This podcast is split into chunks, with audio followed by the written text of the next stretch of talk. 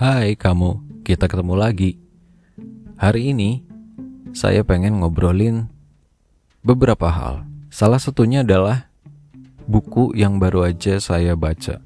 Belum selesai sih, tapi udah 3 per 4 buat selesai. Buku itu adalah Ini ada suara kucing. Eh, buku itu adalah sebuah buku tentang finansial. Kalau kamu uh, juga mengikuti topik-topik tentang finansial di sosial media, di Google, di media massa atau di mana pun, seharusnya sih kamu pernah dengar buku ini, judul ini. Apa itu judulnya? Judulnya adalah Rich Dad, Poor Dad. Bener nggak tuh bacanya? Ayah kaya dan ayah miskin. Yang menulis adalah Robert T. Kiyosaki. Kalau kamu pernah membaca, apa yang kira-kira kamu dapat dari buku itu? Kalau kamu belum pernah baca, mungkin saya akan memberikan beberapa insight yang saya dapat. Tapi karena berhubung uh, daya ingat saya itu tidak terlalu kuat, jadi ya mungkin tidak komprehensif gitu ya. Seingatnya saya aja. Ketika baca buku ini, buku ini adalah buku adik saya. Saya terakhir beli buku kapan ya? Jarang banget. Saya biasanya itu pinjem buku di perpus desa. Karena perpus desa itu nggak ada yang gak ada yang peduli sama bukunya dan kebetulan saya juga ngurusin jadi beberapa saya bawa pulang dan ternyata banyak buku yang bagus-bagus sebenarnya. Tapi minat untuk membacanya orang-orang sekitar mungkin kurang atau memang tidak terinformasi dengan baik gitu saya nggak tahu. Jadi beberapa ada yang saya bawa ada ini negeri lima menara triloginya. Lalu ada apa tuh ya Adam Sawyer Tom Sawyer Tom Sawyer. Lalu ada apaan tuh ya? Pokoknya beberapa ada deh. Saya lupa soalnya. Dan ini uh, ketika waktu itu ada saya masih kuliah pulang-pulang bawa itu. Ada buku dari Robert T. Kiyosaki. Judulnya Rich Dad Poor Dad. Saya penasaran buku apa sih ini? Bercerita tentang apa sih? Jadinya saya ya buka-buka. Dan ternyata ketika saya bawa kamar tidak langsung dibaca nggak langsung dibaca. Jadi ketika ada waktu senggang yang mana belum lama ini baru saya buka satu persatu. Secara ini aja ya yang saya ingat aja. Buku ini tuh mengisahkan cerita.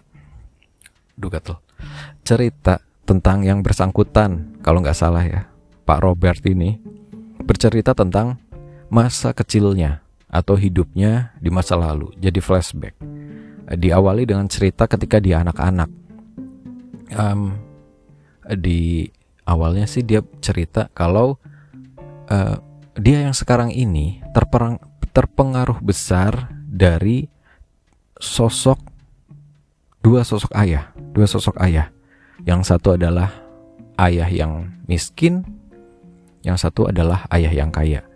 Tapi kalau saya tangkap, miskin di sini bukan yang miskin banget ya. Mungkin miskin yang dijelaskan di sini adalah miskin yang dalam arti hanya menggantungkan sumber pendapatan dari satu sumber aja, yaitu pekerjaan tetap.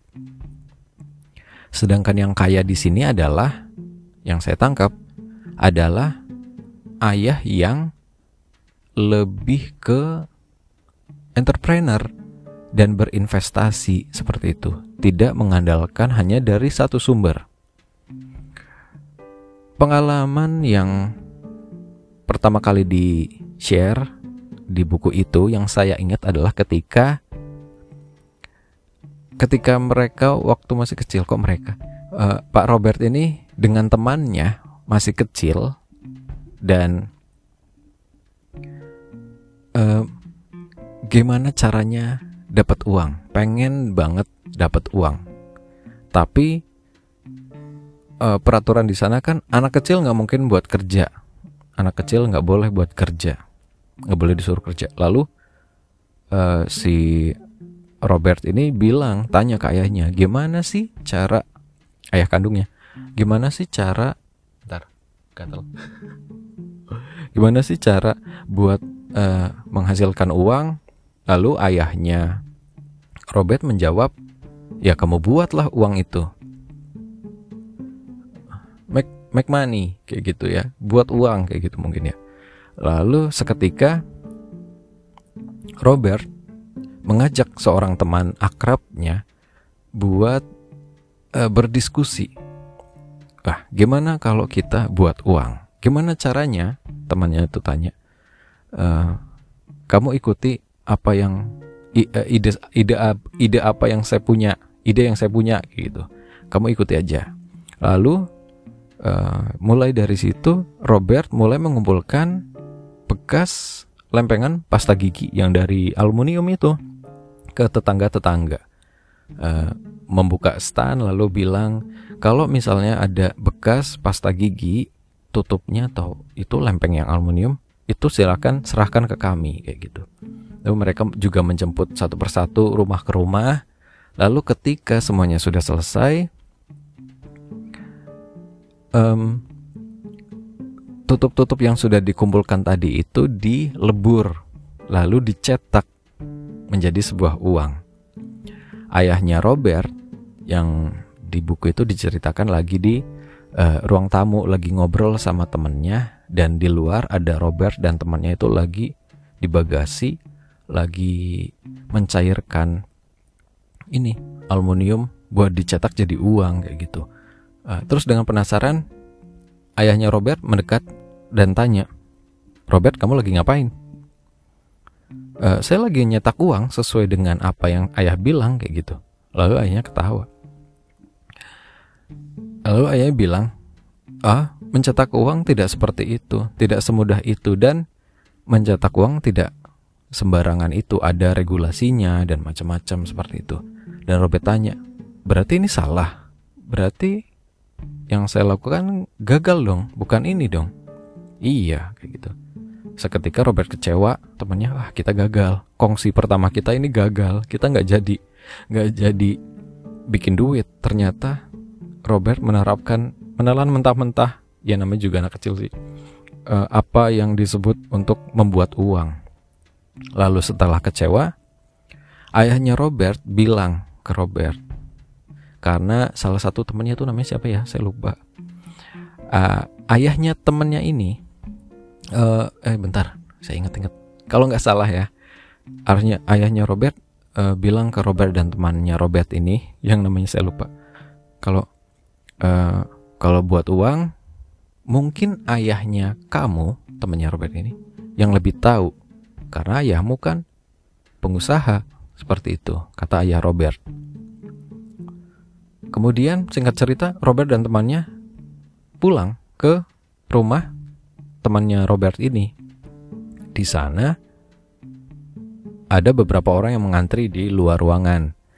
Um, lalu temannya Robert ini bilang, ya itu ada ada bibi siapa, bibi siapa. Dia sedang biasanya memang mengantri di kantor ayah buat ketemu ayah seperti itu. Dan mengantrilah mereka. Setelah mengantri, Robert dan temannya ketemu ayahnya Robert. Robert bilang, gimana caranya buat dapetin uang? Gimana caranya buat uh, make money kayak gitu? Singkat cerita, Robert dan temannya ini disuruh belajar, tapi um, ayahnya si temannya Robert ini bilang, saya bukan tipikal seperti bapak kamu. Saya tidak menjelaskan di depan kamu di di, dal, di dalam kelas dan di depan kelas kayak gitu enggak. Tapi saya punya cara sendiri buat membuat kamu paham kayak gitu. Kalau kamu setuju, ikuti saya dan jangan banyak tanya kayak gitu kalau nggak salah. Akhirnya anak kecil ini berdua setuju dan ternyata disuruh buat kerja di salah satu minimarket punya ayahnya temennya Robert ya kayak gitu jadi skip. Skip sampai situ. Uh, lompat. Ada di mana rasa ketidakpuasan Robert yang dibayar cuma sekian sen per minggu atau per hari kayak gitu komplain dengan cara ayahnya ayah temannya Robert ini memperlakukan mereka. Intinya komplain bahwa uh, anda ini mempekerjakan anak kecil loh. Seharusnya anda bisa membayar kami lebih dan harusnya beban buat bekerja itu tidak terlalu berat buat anak kecil kayak gitu. Intinya banyak komplain Robert karena merasa terlalu berat beban yang diberi. Dan temannya ayahnya temannya Robert ini bilang ya kalau kamu nggak setuju ya silakan keluar. Berarti kamu tidak setangguh itu buat membuat uang kayak gitu ya berjalan dari cerita masa kecil kemudian dia paham apa itu caranya bagaimana konsep uang atau konsep mencari uang dari dua sosok ayah yang mana sepanjang buku ini diperbandingkan antara ayah yang satu yang poor dad dengan ayah yang rich dad. Uh, masing-masing Robert memberikan sudut pandang yang ya bisa jadi lebih condong ke yang rich dad. Tapi di, dia juga menurut saya agak balance sih. Ada keunggulan tertentu dari poor dadnya. Jadi seperti lebih berhati-hati dan lebih apa ya konvensional lah. Ya seperti apa yang terjadi di dunia nyata di kalangan orang tua. Misalnya orang tua yang pengen anaknya itu jadi pegawai tetap di sebuah perusahaan atau pegawai negeri. ya kurang lebih seperti itu.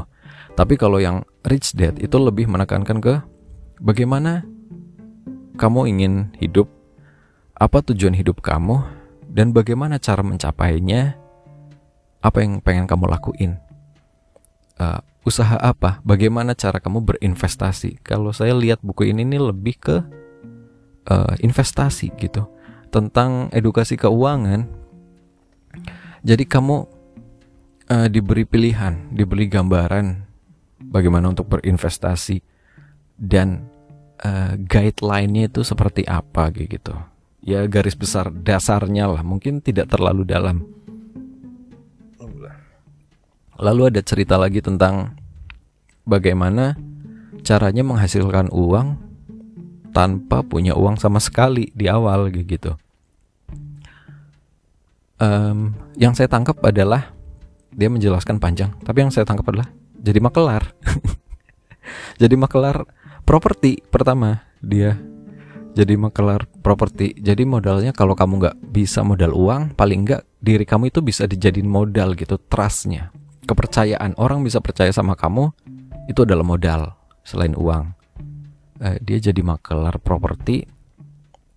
Um, lalu ada beberapa tabungan buat beli proper properti yang barang sitaan. Dia beli lalu dia sewakan dia mendapat hasil itu uh, bagian dari investasi juga. Ada juga yang dia jual dengan selisih berapa persen kayak gitu. Ya modal pertamanya itu dia bilang investasi bagaimana cara menghasilkan apa uang yang didapat dan dikeluarkan itu bisa menghasilkan uang lagi kayak gitu. Compounding compounding return apa apa itu namanya uh, intinya itu sih. Lalu ada guide-nya uh, yang saya ingat. Kontrol diri itu penting dalam investasi. Jadi investasi bukan sekedar menanam atau memilih ladang yang tepat dengan bibit yang bagus, tapi juga yang pertama tujuan investasimu itu untuk apa? Apakah untuk um, keperluan membeli rumah, mobil, gadget atau apa? Atau emang untuk um, jangka panjang misalnya ya memang rumah, rumah itu untuk kamu jadiin apa? Tempat tinggal atau sebuah properti yang bis yang akan kamu sewakan, bukan didiemin aja kayak gitu. Karena kalau misalnya uh, cuma didiemin, berarti masuknya ke liabil liabilitas. Jadi sesuatu yang tidak malah nggak ini nggak menghasilkan apa-apa buat kamu. Ya mungkin dijual harganya ada ada ininya, ada pertambahannya. Tapi kalau di buku ini yang saya tangkap sih awal saya harus baca beberapa kali lagi biar tahu dan cari referensi pembanding biar tahu sih kalau yang saya tangkap yang dimaksud dengan aset itu yang ketika kamu uh, membeli atau mengeluarkan sebuah uang uh, periodiknya kamu akan mendapatkan return terus. Misalnya kalau misalnya kamu menganggap properti adalah sebuah aset berarti aset itu properti itu harus menghasilkan uang terus tanpa kamu harus jual kayak gitu. Dan um, investasi yang bagus ya keserak ya yang nggak kamu jual kayak gitu kalau investasinya bagus ngapain kamu jual investasi bagus itu kan yang menghasilkan return terus dan ketika kamu jual pun itu adalah opsi terakhir yang mana itu untungnya udah berkali-kali lipat tapi ketika kamu biasanya oh kayaknya harganya mau turun, berarti kamu harus lepas. Berarti tandanya investasi itu agak kurang bagus nilainya kayak gitu kan. Kurang lebih sih kayaknya. Ah ya jadi seperti itu. Kurang lebihnya seperti itu. Ini adalah pembuka atau guide yang bagus buat kita yang masih baru-baru mau belajar finansial dan melek buat investasi sih. Saya lebih ke ini buku tentang bagaimana uh, mengajar pengantar sebuah investasi. Ya mungkin bukan pengantar juga sih, karena ada beberapa istilah yang kalau mungkin kamu sekolah atau kuliah di ekonomi mungkin paham, tapi kalau enggak mungkin harus belajar istilah dasar dan ya pemahaman dasarnya dulu juga. Tapi ini buku yang bagus karena tidak seperti pelajaran, ada ilmunya. Ya emang ada ilmunya maksudnya ada datanya dan ada seperti buku buku pengantar ekonomi mungkin tapi ini dibalut dengan cerita itu yang bagusnya dan emang harusnya buku pelajaran kayak gitu sih ada cerita yang dibawa yang ada tokohnya gitu anak ini si Robert pas jadi anak-anak remaja dan udah dewasa kayak gitu dan mengkompar antara sudut pandang pola pikir ayah kaya dan ayah miskin tapi kayaknya sekali lagi sih saya bilang ayah miskin yang di sini ini bukan miskin ya maksudnya. Bukan miskin banget. Dia yang dia yang nggak mau investasi aja kayaknya kayak gitu. Kalau menurut saya. Dia yang hanya mengandalkan satu sumber aja kayak gitu. Juga saya cari-cari referensi lain di internet. Ya, kurang lebihnya saya dapat insight yang hampir sama.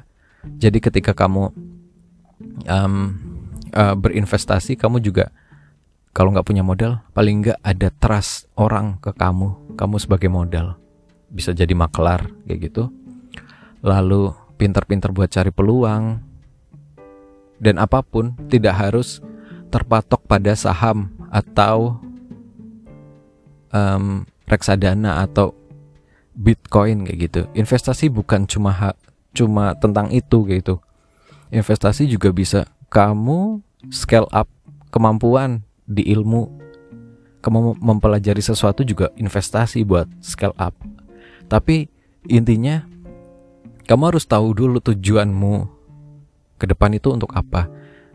Dan untuk mencapai tujuan tersebut kamu harus menginvestasikan apa aja kayak gitu. Waktu kamu buat apa? Buat belajar untuk scaling up ya berarti itu termasuk investasi. Dan keluarannya adalah ketika kamu sudah selesai belajar, misalnya belajar konten, belajar um, uh, manage sosial media atau belajar ngelas atau belajar jualan kayak gitu, ya keluarannya ya kamu lakuin gitu. Kamu kalau misalnya kamu belajar jualan, berarti kamu harus jualan buat mendapatkan return dari investasi ilmu jualan kamu yang udah dipelajari atau misal kamu belajar foto, ya berarti gimana caranya ilmu foto dan foto yang udah dihasilkan bikin kamu dapat uang kayak gitu dari situ. Saya sih nangkepnya kayak gitu. Kalau kamu belum baca, silahkan dibaca. Ini buku udah lama sih, harusnya udah banyak yang tahu. Dan kalau kamu juga interest tentang itu, saya pengen tahu dong buku apa atau referensi dari mana yang harus saya pelajari, biar saya lebih tahu lagi gitu biar saya lebih melek finansial lagi gitu. karena kita masing-masing punya goals dan harus emang punya goals gitu bukan cuma buat membeli membeli barang-barang yang nafsu aja kayak misal mobil rumah HP uh, gadget-gadget lainnya baju dan jalan-jalan uh, dan saya jadi menyimpulkan kayak gini bahwa menahan diri itu juga bagian dari kegiatan investasi gitu. Ya tiba-tiba pengen ngomong gitu. Jadi kalau misalnya teman-teman di luar ada yang emang harus jalan-jalan banget dan harus makan berapa kali seminggu di restoran mana atau makan apa kayak gitu yang kalau saya hitung-hitung mungkin biaya biaya buat pengeluaran itu agak besar dan lumayan juga kalau misalnya di keep kayaknya saya bisa keep deh. Dan dengan saya keep, dengan saya menahan keinginan atau gaya hidup yang seperti itu, itu saya anggap saya dapat return gitu. Karena saya nggak ngeluarin uang, uangnya masih aman. Ya walaupun sama kayak gitu, tapi paling nggak nggak berkurang. Jadi menurut saya menekan gaya hidup atau menahan keinginan yang bukan keinginan primer itu juga part of investasi kayak gitu. Ya kayak gitu aja sih. Kalau kamu punya referensi lain, saya pengen tahu dong. Kirimin saya di email bisa di alfabicarapodcast@gmail.com atau di media sosial saya di @faizjelang.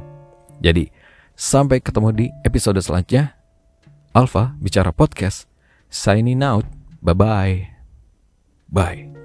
Sehat selalu, Badoy. thank you